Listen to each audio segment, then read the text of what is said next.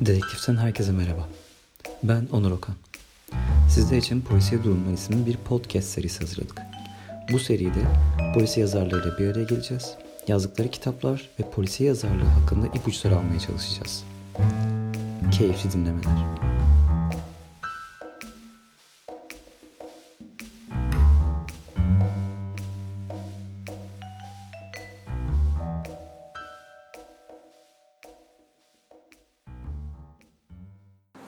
Evet merhaba 24 Nisan sevgili Çağatay Yaşmut'la beraberiz. Kısa bir söyleşimiz olacak. Kendisine sorularımız olacak. Polisiye Durumlar web sitesi ve Dedektif Dergi için yaptığımız e, konuşmaya başlıyoruz. Çağatay Bey teşekkür ederiz. Ben teşekkür ederim valla keyifli bir sohbet. Gerçekleştirdik gerçi şimdi. Aynen biz başında biraz gerçekleştirdik. Şimdi devam edeceğiz inşallah tadıyla. Çağatay Bey'le konuşmak çok zevkli. Aktıkça akıyor konuşma. E, ben sorularıma başlayacağım. Öncelikle aslında şeyden gideyim. Geçtiğimiz hafta İzmir Fuarı'ndaydınız. Evet. E, stand bayağı kalabalıktı. Orada diğer polisi yazarlarıyla beraber, Oğlak Yayın Evi'nden birçok yazarla beraberdiniz.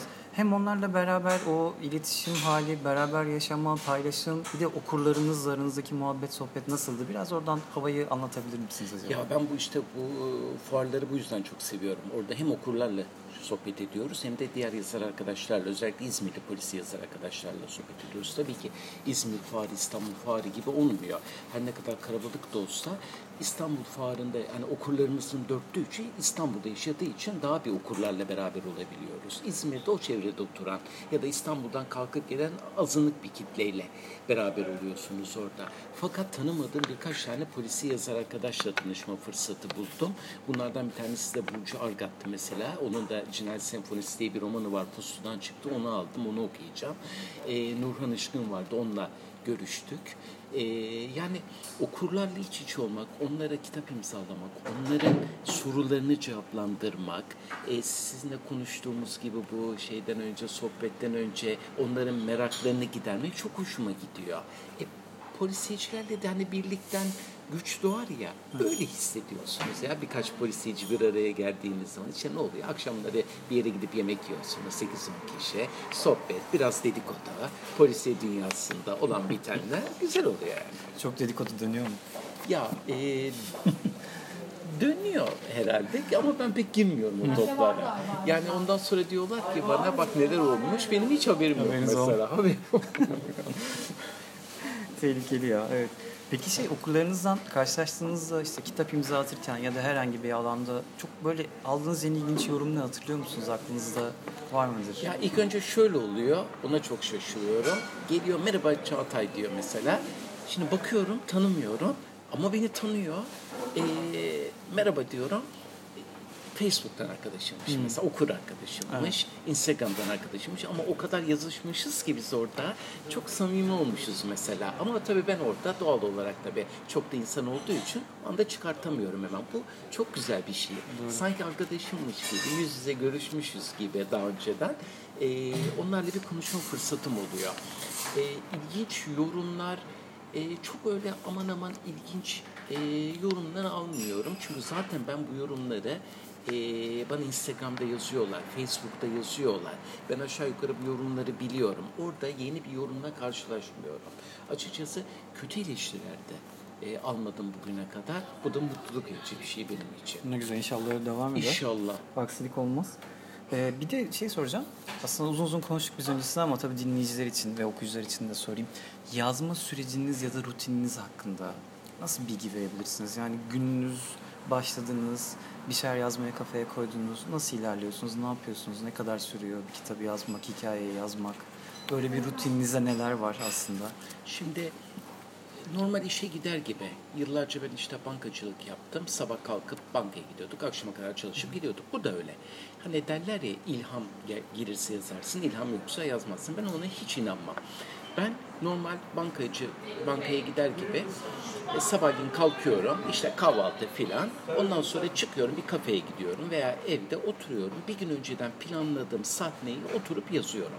Burada hiçbir ilham beklemiyorum. Çünkü benim kafamda zaten o yazacağım sahne oynamış. Her şeyini biliyorum. Oturup yazıyorum. Ha şöyle bir şey olabilir. O gün 3 saat veya 4 saat ortalama yazı yazıyorum. Sabah 10 gibi başlıyorum. 1-2'ye kadar yazıyorum. Sonra 2'den sonra kapatıyorum bilgisayarı. akşama kadar diğer işlerimi yaparken kafamda o yazdığım sahneler oynuyor. O anda işte aklıma bir takım şeyler geliyor, fikirler geliyor. Pardon, dakika burada bıraksam teşekkür ederim. Fi- fikirler geliyor. O fikirleri kafama not ediyorum. Olmazsa defterime not ediyorum. Ertesi gün yeni sahne yazmadan önce bir gün önce yazdığım sahneye o cümleleri, o fikirlerimi ekliyorum. Bir daha okumuş oluyorum ve ondan sonra yeni sahneye geçiyorum. Benim bütün rutinim budur. Bir gün önceden hazırlık yapmak, ertesi gün o sahneyi yazmak, akşama kadar Kavados yazdıklarımla oynamak, notlar almak, bir sonraki sahneye geçmeden önce düzeltileri yapıp yeni sahneye geçmek. Böyle böyle romanı bitiriyorum. bitiyor. Ve hep böyle yapıyorum. Aslında disiplinli bir çalışma. Disiplinli bir çalışma. Ee, roman bittikten sonra bir ay kadar ara veriyorum. Ondan sonra romanı bir kez daha yazıyorum. Yani bir kez daha okuyorum romanı. Tabii gene değişiyor. Sonra ikinci kez bittikten sonra yaklaşık bir 15 gün, 20 gün gene böyle bir ara veriyorum. Üçüncü bir göz olarak roman uzaklaşıyorum çünkü. Bir kez daha okuyorum roman. Ama bu okuma artık çok kısa sürüyor. Üç gün, beş gün sürüyor. Artık romanı çok iyi biliyorum çünkü. Genellikle üçüncü okumanın sonunda tamam diyorum. Aslında bu e, değişikliklerin sonu yok. Ama bir yerde dur dememiz gerekiyor bu değişikliklere. Artık biraz topa editör atmamız gerekiyor. Üçüncü okumanın sonunda artık dosya tamam diyorum. Olmuştur diyorum. Artık eksikler de varsa editör artık onu bulsun diyorum. Dosyayı yayın evine Teslim gönderiyorum. Evet. Süper. Ee, aslında en başında da biliyoruz, hani takip edenler de biliyordur. Siz tabii bankacılık sektöründen farklı sektörde bırakıp yarı zamanlı yazarlıktan aslında şu an Evet. tam zamanlı yazarlığa geçtiniz. Tam zaman yapıyorum. Yani maddi konularda böyle hayatı devam ettirme, idare ettirme konusunda yani ufak tefek endişeler yaratıyor olabilir belki ya da yaratıyor mudur diye sorayım. Bu endişeler hani yazma sürecine kötü ya da olumlu olumsuz etkisi oluyor mudur? Ya olmuyor. Teşekkür ederim. Kusura bakmayın rahatsız ettim. Olmuyor çünkü ben hiçbir zaman bir maddi gaye gütmedim. Çünkü biliyorum ki yazarlıktan para kazanılmıyor. Kazananlar var ama kaç tanedir onlar zaten onlar birinin sayılı parmakları kadardır. Ee, yazarlıktan para kazanıl, kazanılmayacağını bilerek ben bu işe girdim. Ee, o yüzden e, bir maddi gaye, bir beklenti benim yazma sürecimi etkilemiyor. Para kazanıyorum, kazanmıyorum değil. Para kazanıyorum. Çünkü kitaplarım hani iki baskı, üç baskı yapıyor. Yayın evim sağ olsun her baskıdan bana para veriyor. Fakat bu hayatınızı idame ettirecek bir para değil. Bu benim işte yazarken kahvemi, çayımı, sigaramı, e, aldığım kitapları cep arşivimi çıkartacak bir para oluyor. E, sonuçta burada eşime tabii ki büyük bir iş düşüyor. Bir de yıllarca çalışmamın vermiş olduğu bir birikim var. E, onlar biraz oradan kullanıyorum. Eşim çalışıyor, beni çok destekliyor bu konuda. E, o yüzden e, hiçbir şekilde olumsuzluğun, olumsuz bir şey yok benim için. E, para kazanma, kazanamama. Kazanma. Ha, kazanamama da yaz, yaz, yazmam üzerine olumsuz bir katkısı yok diyeyim. Peki aslında şey soracağım. e, Yazım sürecinizde nasıl besleniyorsunuz? Yani böyle bir başucu kitabınız, başucu filminiz, bir müzik dinleme, ne bileyim bir şey içme. Hani ilham perisi anlamında değil sadece biraz daha destek olma anlamında sizi besleyen entelektüel açıdan. Neler var? Hani saysanız bir ilk üç kitap, ilk üç film ya da ne bileyim en çok dinlediğiniz müzik e, size ne destek olur? Ya şimdi beni besleyen şeyler çok okuyorum ben. Çok roman okuyorum. E, Türk Edebiyatı da okuyorum, polisiye de okuyorum. Bunlar beni besliyor. Onun dışında çok dizi seyretmesem de çok film seyrediyorum. E, dizilerden biraz sıkılıyorum açıkçası. Fakat film seyrediyorum. Bunlar beni e, besliyor. Günlük e, memlekette olan olan bitenleri takip ediyorum. Ee, şöyle yapıyorum ben. Şimdi moda cinayetlerinden örnek vereyim. Mesela moda cinayetlerinde ben dergahları anlatmak istedim. Biraz din olgusunu anlatmak istedim. Biraz deprem gerçeğini anlatmak istedim. Müteahhitleri anlatmak istedim. Şimdi dergahları anlatmak için oturdum. Din sosyolojisiyle ilgili kitaplar okudum. Olgusal sosyolojiyle ilgili ama yapılmış çalışmaları okudum. Teorik kuramsal değil de olgusal. Daha bilimsel. Ha, onları okudum. E, gittim Üsküdar'da gezdim. Oradaki ara sokakları, e, dergahlara girmesem de dışlarından baktım. E, kitaplar okudum, filmler seyrettim. E, dergahlarla ilgili zikir nasıl yapılıyor mesela onlarla ilgili kitaplar okudum. E, yine filmler izledim, belgeseller seyrettim. E, bunlar benim az çok kafamda bir şekillendi.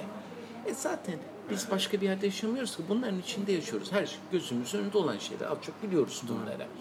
Bu şekilde besleniyorum işte. Bir konu daha sonra atıyorum e, deprem konusuna geldi sıra.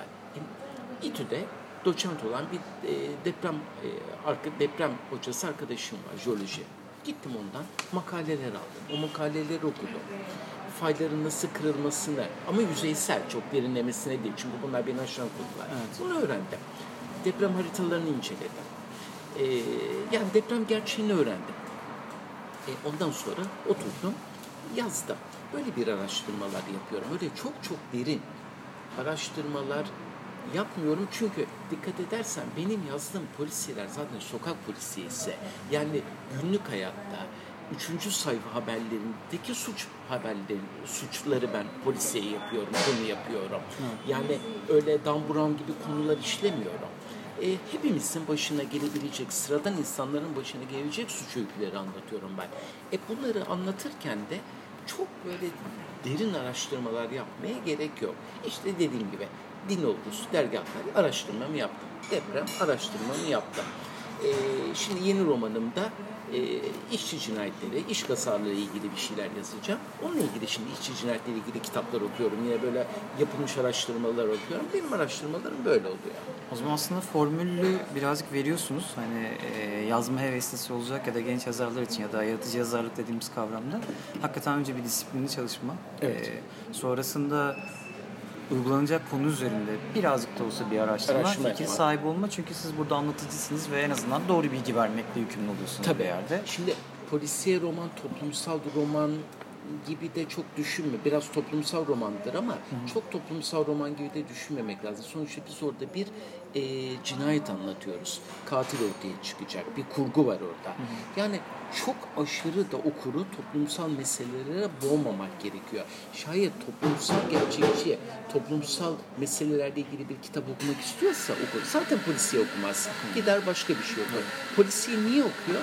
Kafasını dağıtmak için okuyor. Bir kaçış romanı okuyor. Belki o da katili bulmak istiyor. Ha, bunları okurken de birazcık toplumsal meselelere değinmek istiyoruz. Bu ülkemizin gerçeği çünkü bundan kaçamayız. Yani artık Agatha Christie tarzı romanlar, bu katil kim romanları pek yazılmıyor. Tamam Agatha Christie'ler hala satıyor. Onlar ayrı bir sınıfa koyuyorum. Ama her şeyden uzak yaşadığımız toplumdan olan bitenlerden uzak romanlar yok artık. Ama bu dengeyi çok iyi ayarlamak gerekiyor. Hem biraz katacağız hem de çok derinlere girmeyeceğiz. Çünkü biz sonuçta bir polisiye roman yazıyoruz. Yani eğer ya ben polisiye romanı e, çok büyük e, yük, yüklemiyorum ona çok şeyler. Yani e, polisiye roman bir popüler kültürün bir parçası bence. E, insanları eğlendirmek, zaman geçirmek, e, için, yani onun losyonu şey değil. E, onlara bir şey e, öğretmek diye düşünmüyorum ben polisiye romanlar. Yani biraz eğlence, biraz e, egzersiz, biraz kaçış olarak düşünüyorum polisiye romanlar. Bu söylediğinizde şeyi soracağım o zaman ekleyerek. Genelde şöyle bir algı oluyor ya, e, sizin denizden çıkarım yapıyorum. Edebi metin yani içinde bulundurduğu metinlerin çok edebi içerik olmayışı ya da işte Evet. metinlerin çok fazla bir edebi lezzet vermeyişiyle alakalı çok Evet. fazla yorum var. Yani çok fazla okumayan ya da dikkat etmeyen insanlar da bunu söylüyor. Bir de birebir içinde olan kişiler de bunu söyleyebiliyor. Hani bu polisiye okuru dışında kalan kesimi biraz daha ciddiyetsiz yaklaşmaya sebep olabilir mi?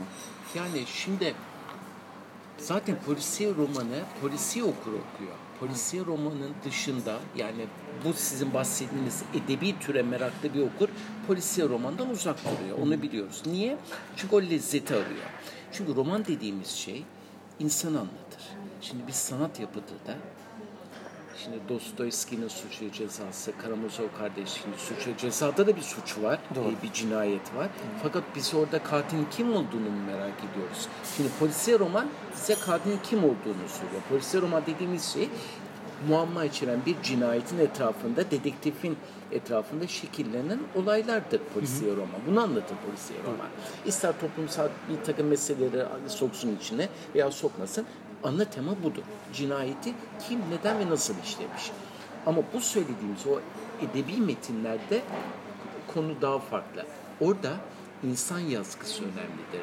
İnsan yazgısının muallaklığı e, anlatılır. Biz orada şimdi ne olacak diye bakmayız. Madame Bovary'de biz Bovary'nin ruhunu şey yaparız orada, anlamaya çalışırız. Şimdi Madame Bovary ne yapacak, bundan sonra annesi ne olacak merak etmeyiz ki. E, Raskolnikov'da da öyle der. Şimdi Raskolnikov kimi öldürecek ya da öldürecek mi, öldürmeyecek mi merak etmeyiz ki. Onun ruhundaki değişimleri merak ederiz, okuruz. Polisiye bunu yapmamalı. Polisiye bunu vermemeli. Okunmaz zaten. Polisiye kurunda böyle bir talebi yok zaten. Bana insanı anlat demiyor. Şimdi bakın kurgu iki türlüdür.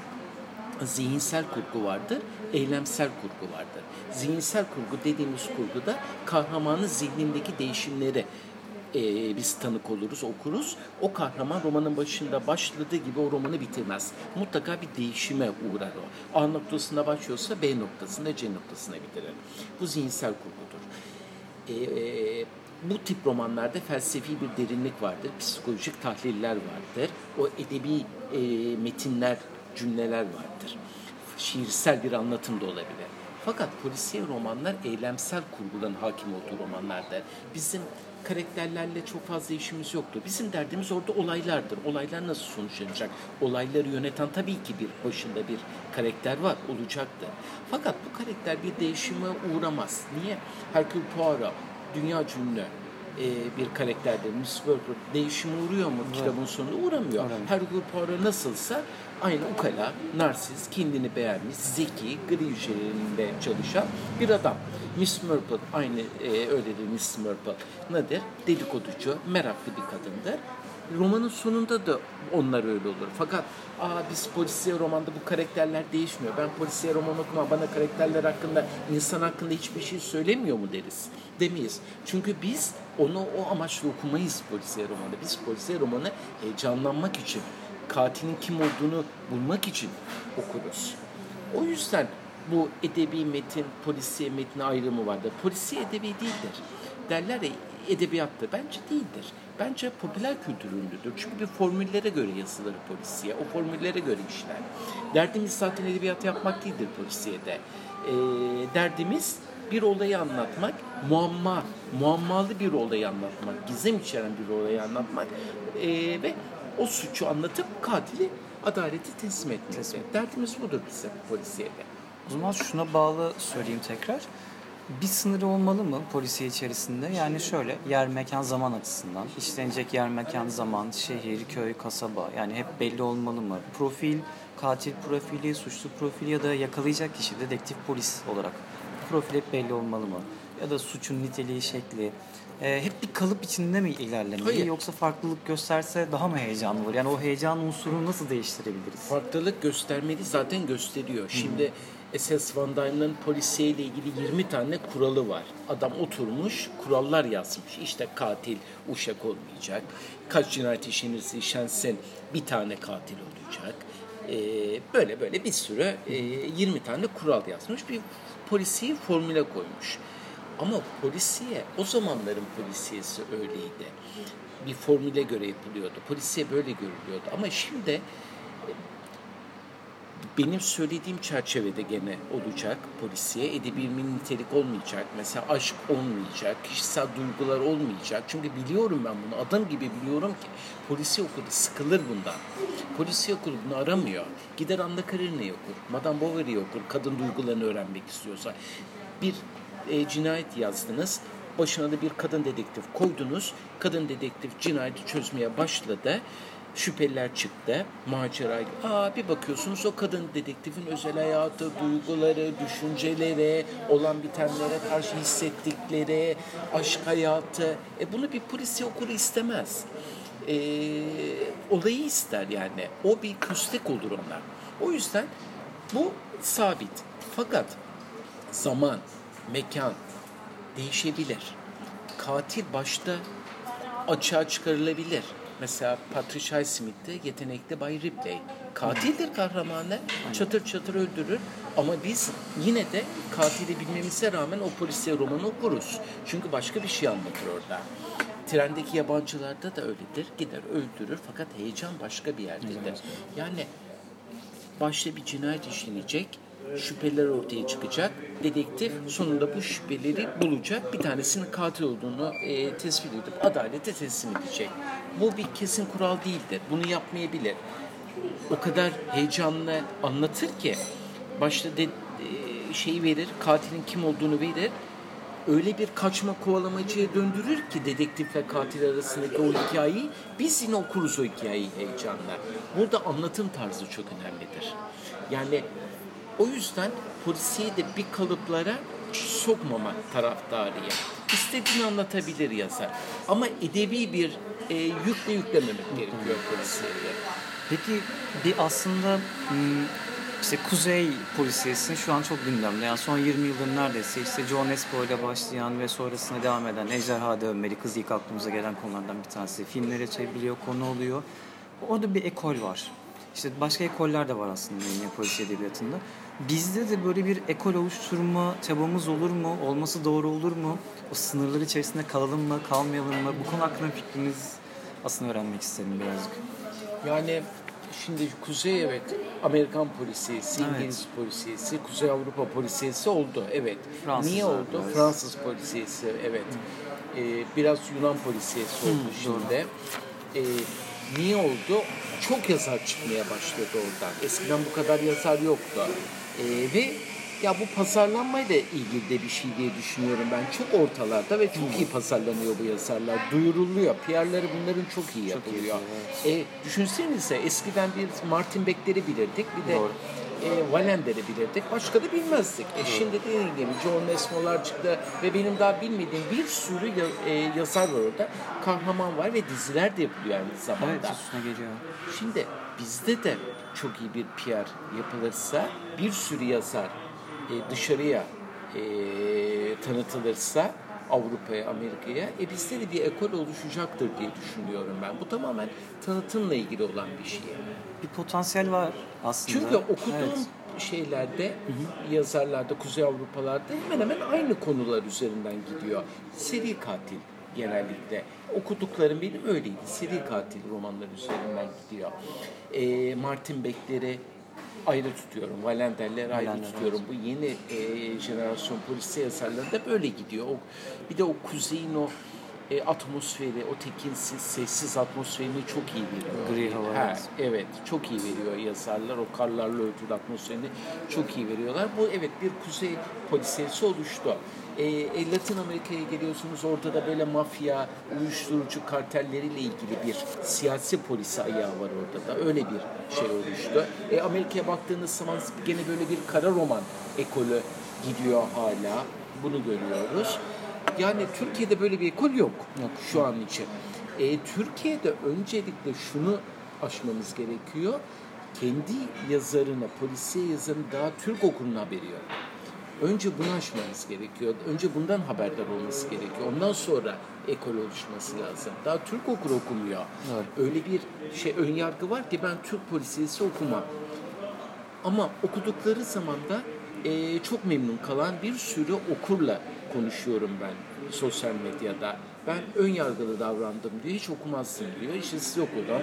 E, Gencoy Bey okudum. Başka yazar arkadaşlar söylüyor. Meğerse çok güzelmiş. Bizim kültürümüz, bizim motiflerimiz, bizim ibadetler, bizim suçumuz var diyor. Bizim insanımız var diyor. Çok güzelmiş, çok eğlenceliymiş diyor. Öncelikle bunu aşmamız gerekiyor. Öncelikle Türkiye'de polisiye okunmalı. Türkiye'de polisiye okunmuyor. Doğru.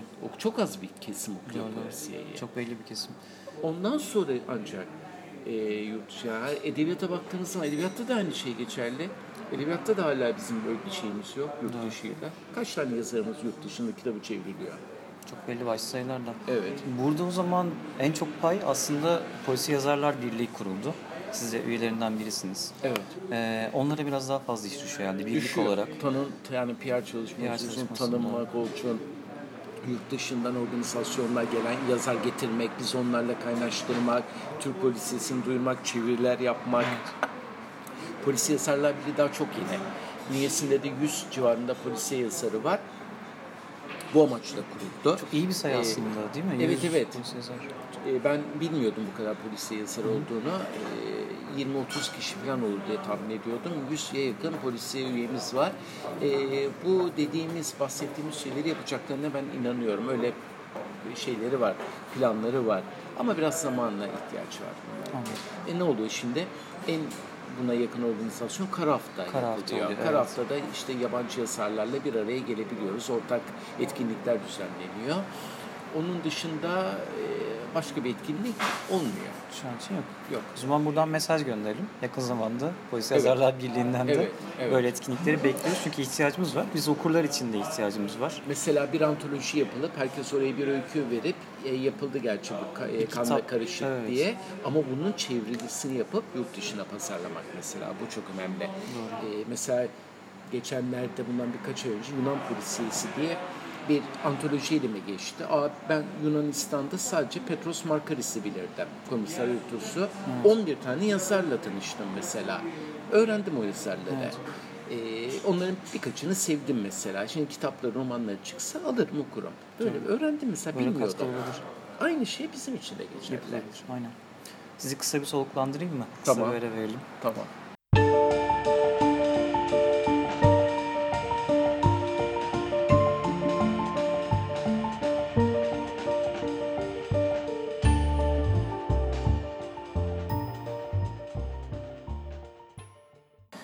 İkinci kısma devam ediyoruz. Biz biraz soluklandık.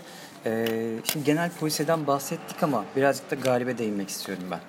Sizin için de uygunsa. Tabii. Şimdi e, aslında şöyle bir soru geldi. Ben direkt e, çok farklı bir yerden giriş yapayım. Kadıköy cinayetlerinde özellikle siz de kendiniz söylüyorsunuz. Galip'in kadınlarla olan bir problemi oldu. Siz onu bilerek Evet, yaptınız. Bilerek yaptım. Ne istiyorsunuz Galip'ten ya da bu kadınların Galip'le derdi ne, Galip'in kadınlarla derdi ne? Hesaplaşma diyelim. Galip'ten hesaplaştım orada. Çünkü seri roman yazarsanız şöyle bir şey oluyor. Karakter bir süre sonra o kadar ete kemiğe bürünüyor ki. Düşünsenize her yeni kitapta aynı adam yazıyorsunuz.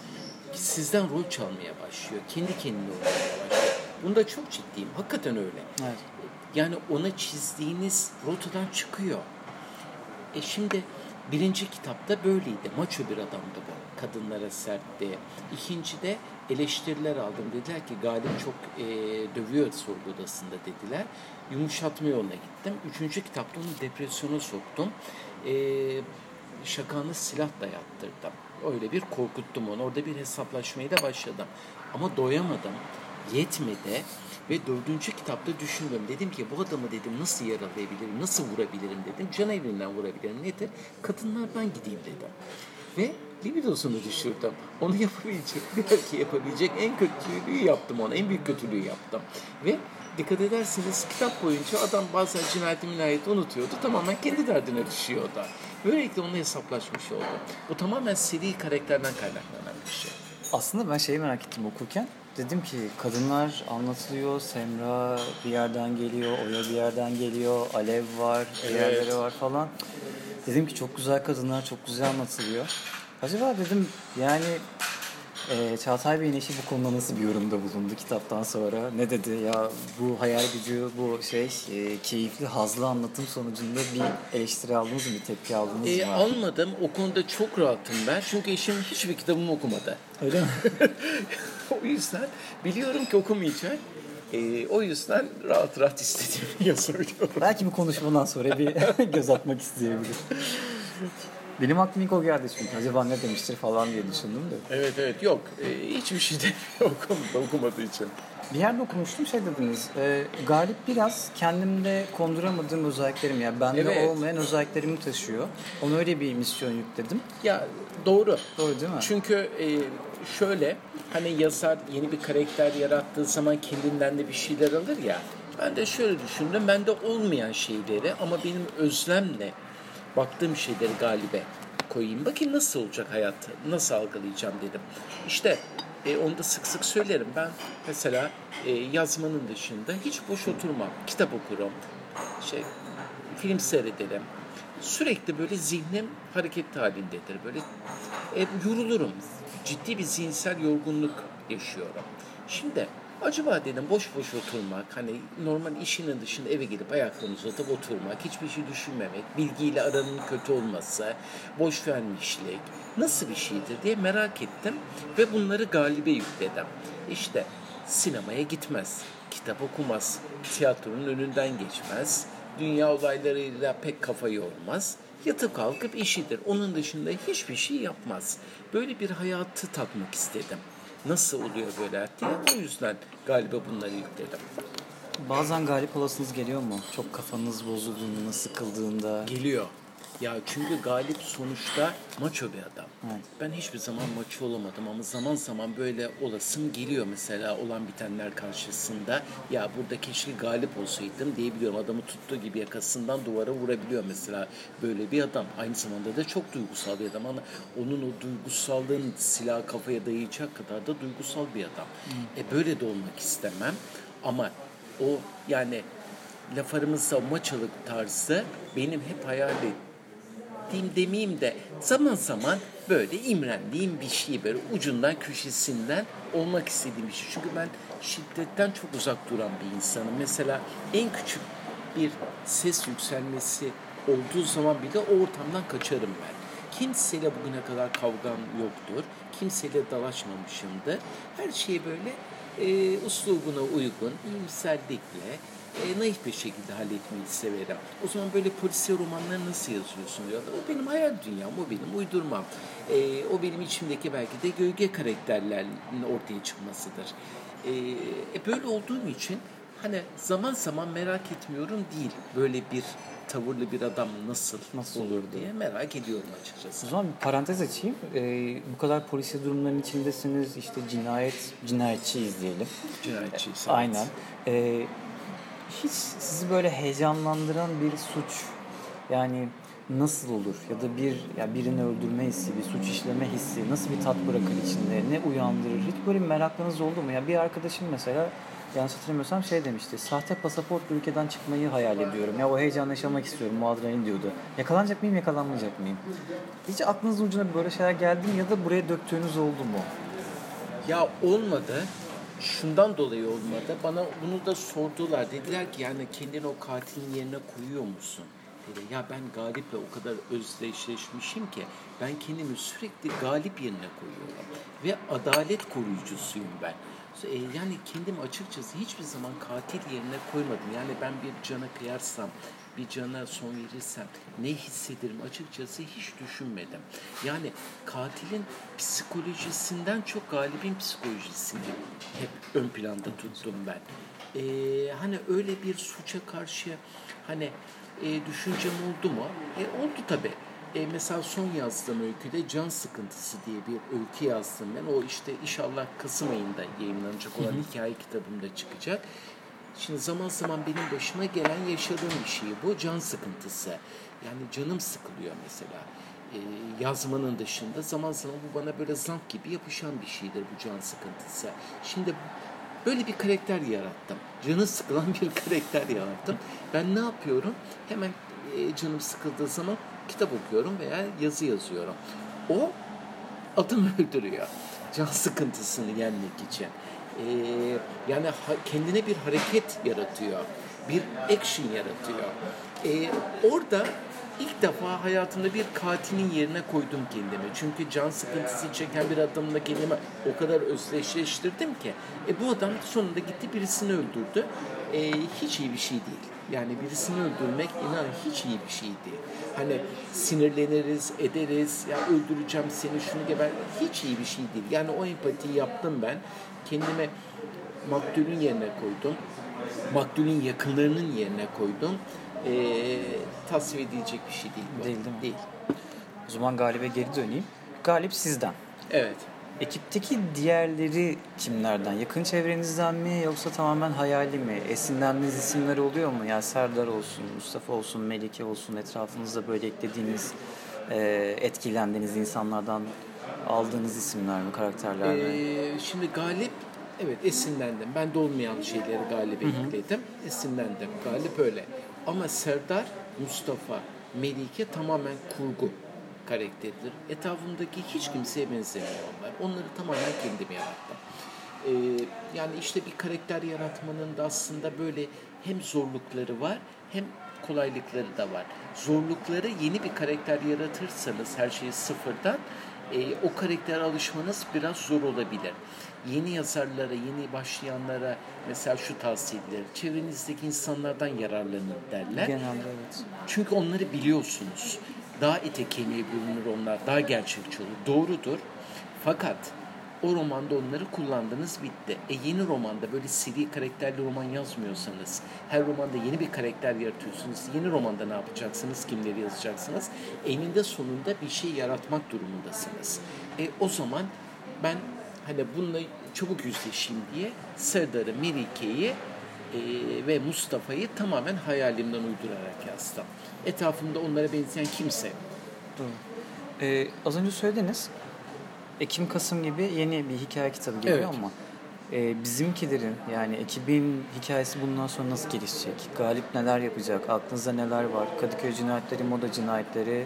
Sonra bizi takip eden ne cinayetleri olacak bundan sonraki Şöyle. aşamada? Plan ne? Şimdi planımı şöyle kuruyorum. Bir hikaye kitabı bundan sonra bir hikaye kitabı Doktor Ceyda'yı kim öldürdü hikayeleri yazarken e, öykü yazmanın o güzel tadını aldım ben. Öykü yazmayı da seviyorum. Suç öyküleri yazmasını da seviyorum. E, Böylelikle farklı konulara değinebiliyorum. Çok konuya değinebiliyorum.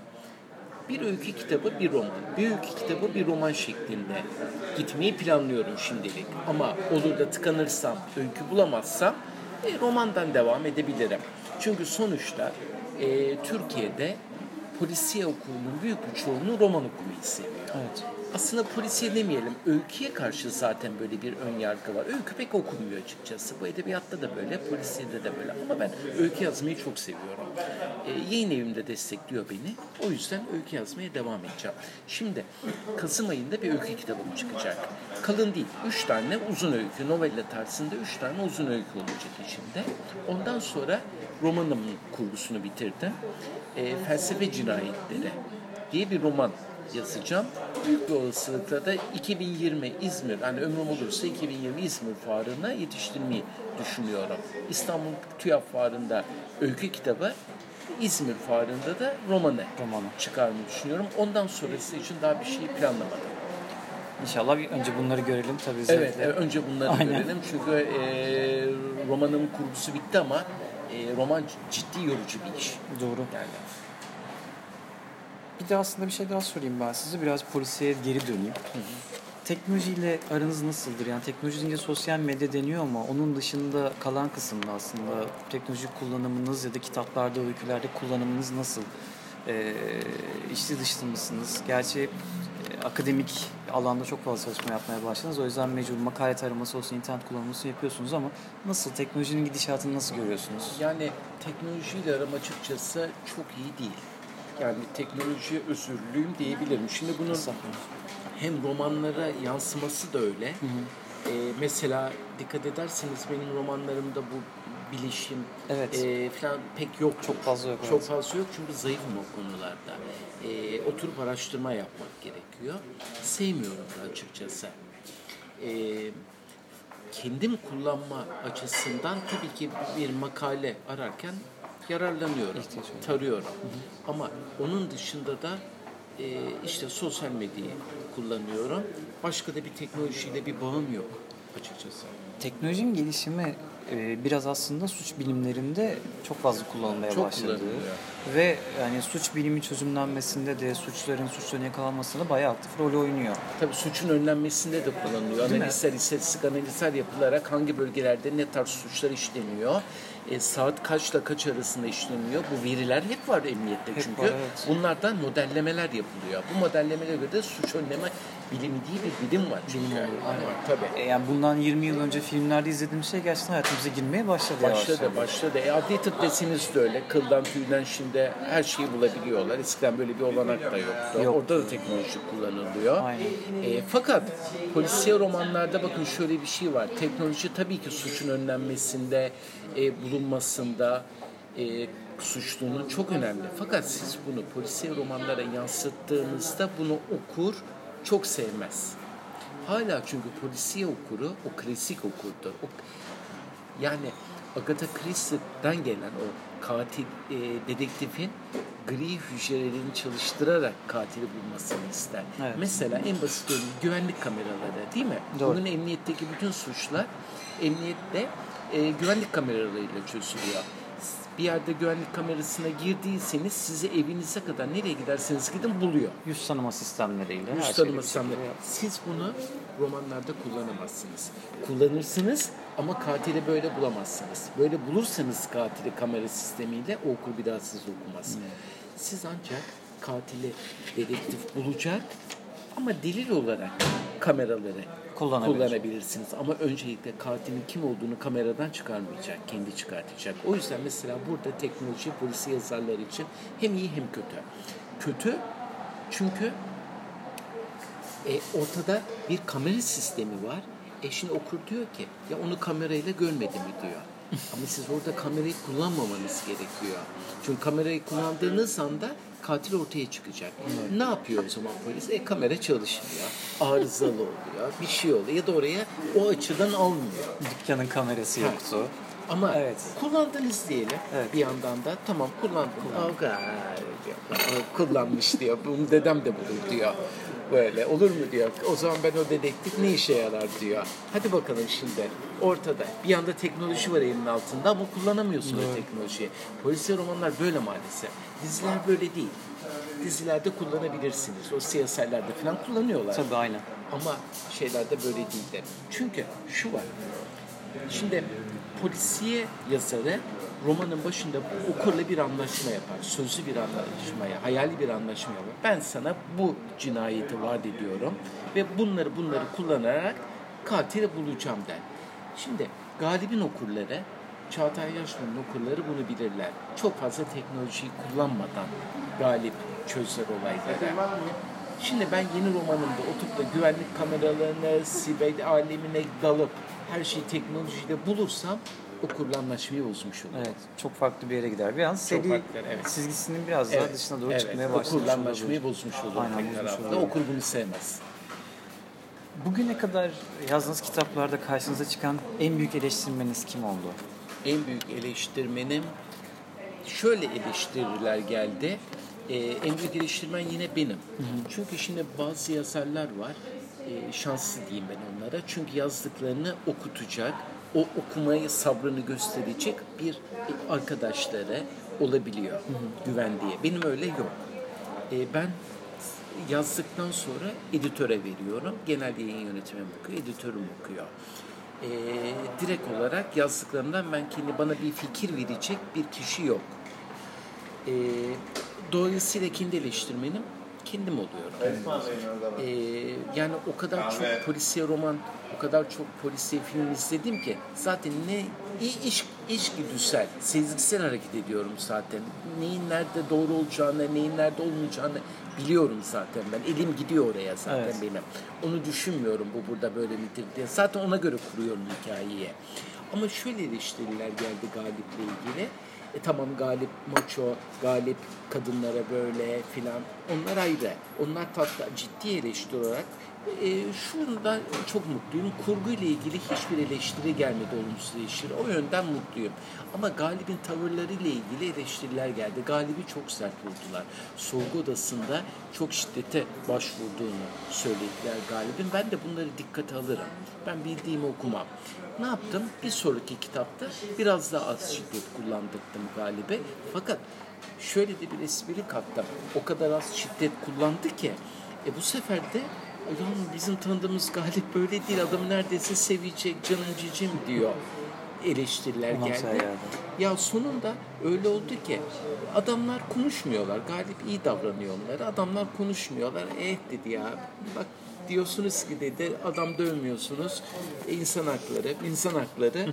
ya konuşmuyorlar işte deyip patlattı gene. Ondan sonra eskisine döndü yine. Bunlar da bundan anlıyor değil mi? Ha, bunlar da bunlardan anlıyor yani.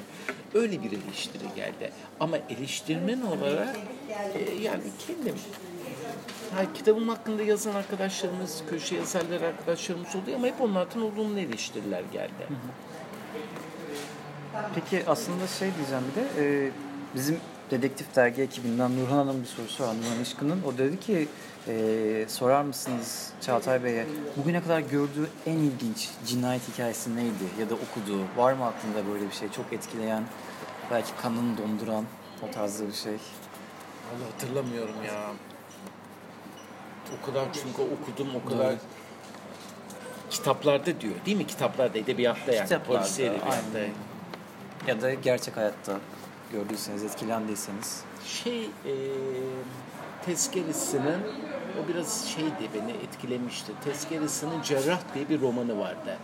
Orada e, katil kurbanlarını çok vahşi bir şekilde öldürüyordu. O beni çok etkilemişti. Şimdi ben aslında e, şeye bakmıyorum. Cinayetlerde öldürüş tarzı çok önemli değil benim için. Bazı yazarlar kana vahşete büründürüyorlar romanlarına. Benim için arkasındaki hikaye önemli. O soruşturma aşaması önemli. Fakat tezkeresinde cerrahı okurken midem kalkmıştı. Çok kanlıydı, çok vahşet e, vardı orada. E, şiddet çok yüklüydü. O beni etkilemiştir mesela. O yüzden biraz tezkeresinlere ön yargılı yaklaşırım. E, çünkü kendisi de tıpçı olduğu için e, çok böyle spesifik de anlatıyor o kesim biçim işlemlerini. Bir de onların katilleri çok böyle şey, sapık katiller. E, cerrah diyeyim. Cerrah. Cerrah romanı beni etkilemişti. O cinayet sahneleri beni çok etkilemişti. Ya etkileyen de başka da vardır mutlaka da şu anda aklıma gelmedi açıkçası. Peki son bir iki soru sorayım aslında. Çok da güzel, çok keyifli muhabbet oldu. Çok teşekkür ederiz. Son bir iki soruyla toparlayayım. Ee, siz de aslında Polisiye Yazarlar Birliği üyesisiniz. Bununla beraber yine polisiye yazarlığı konusunda da bayağı çabanız var. Bundan sonraki aşamada ya da e, Türk polisiye yazarlığı için neler yapılmalı, bizi ne bekliyor ya da ne yöne doğru gitmeliyiz bununla alakalı hani ufak birkaç e, ne yapılması gerektiği hakkında bilgi verebilir misiniz, fikir verebilir misiniz? Ya ya da? benim tek şeyim şu, daha çok çalışılmalı, eee, daha çok roman yazılmalı. Şimdi eskiden şöyle düşünüyordum ben, Eee, diyordum ki ya ne kadar yazsak, işte romanlar niye satmıyor filan, işte yayın evinin politikası, PR çalışmaları filan böyle şeyler diyordum. Fakat sonra gördüm ki e, Celil Oker, üstadımız bir gün bir sempozyuma katılmıştık İstanbul eee üniversitelerin bir tanesinde şey değil, İstanbul Kültür Üniversitesi'nde. İşte sormuşlardı niye polisiye edebiyat ikinci çok az tanınıyor filan. Polisiye yazarları da bizler pek tanımıyoruz diye. İşte ben de diyordum ki PR, o da demiştik hayır. Az yazıyoruz. Daha çok yazmamız gerekiyor diyordu. Çok haklı. Şimdi ben eee, hızlı yazmaya başladım. Her yıl bir kitap çıkartıyorum. Ama gördüm ki galip daha çok konuşulmaya başlandı. Sosyal medyada da görüyorum. Şimdi 4 yılda bir, 3 yılda bir kitap yazmakla her yıl veya 6 ayda bir, kitaplar 6 ayda bir yazılır. Hadi diyelim ki bir yılda, normalde bir yıl diyelim. Daha çok galip konuşuluyor şimdi. Ha demek ki ya bu tanıtımdan çok daha çok yazmakla ilgili bir şey. Yani ne kadar galip yeni maceralara ortalarda olursa e, o zaman daha çok konuşulacak, daha çok tanınacak. O zaman ben şunu diyorum, polisiye yazarlara daha çok kitap yazmalı. Her yıl mutlaka bir kitap çıkarmalı bir yazar.